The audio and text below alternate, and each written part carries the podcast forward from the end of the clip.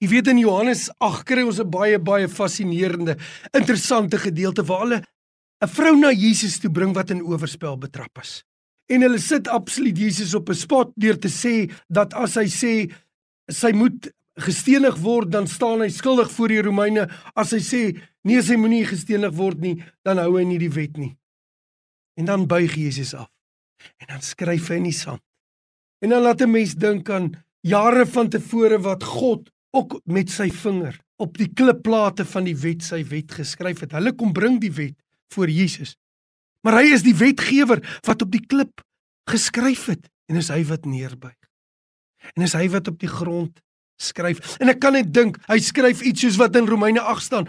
Daar's geen meer veroordeling vir die wat in Christus Jesus is nie. Want die wet van die gees van die lewe in Christus Jesus het ons vrygemaak van die wet van die sonde en die dood. Wat beteken dit? Dit beteken dat wanneer Jesus in jou lewe kom, dan raak dit nie 'n eksterne wet van buite af wat jou oordeel nie, maar hy skryf sy wet, sy lewe op jou hart. Dis wat hy doen. Hy kom leef in jou en dit raak jou wet, die wet van die gees van die lewe. Hy skryf dit, sê die Bybel, op die tafels van ons hart. Kan ek gou vir jou 'n vraag vra? Wat staan geskrywe op die tafel van u hart? Is dit die wet van self? Want dan staan jy onder 'n wet, 'n ewige wet skuldig voor God of het die Here sy lewe in jou hart geskryf? Ek vra u. Weet jy daar was eens op 'n tyd 'n man.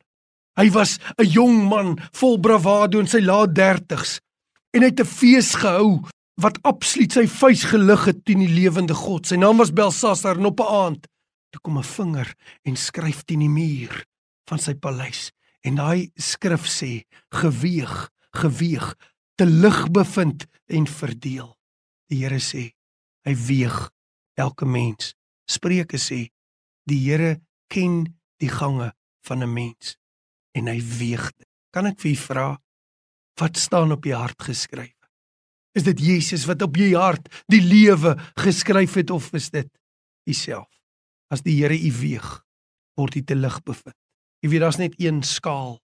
Daar's net een gewig wat gewig genoeg het om voor God te weeg en dis sy seun Jesus Christus. Enigiets anders weeg te lig. En Jesus staan voor hierdie mense, die wetgewer, kom sê daar's geen ander gronde om regverdig te staan voor God as deur hom Jesus Christus. Kan ek vir u vra, het u al by 'n punt gekom waar u die knie buig voor hom? Wat skryf hy op die muur van u hart? Mag die Here u seën.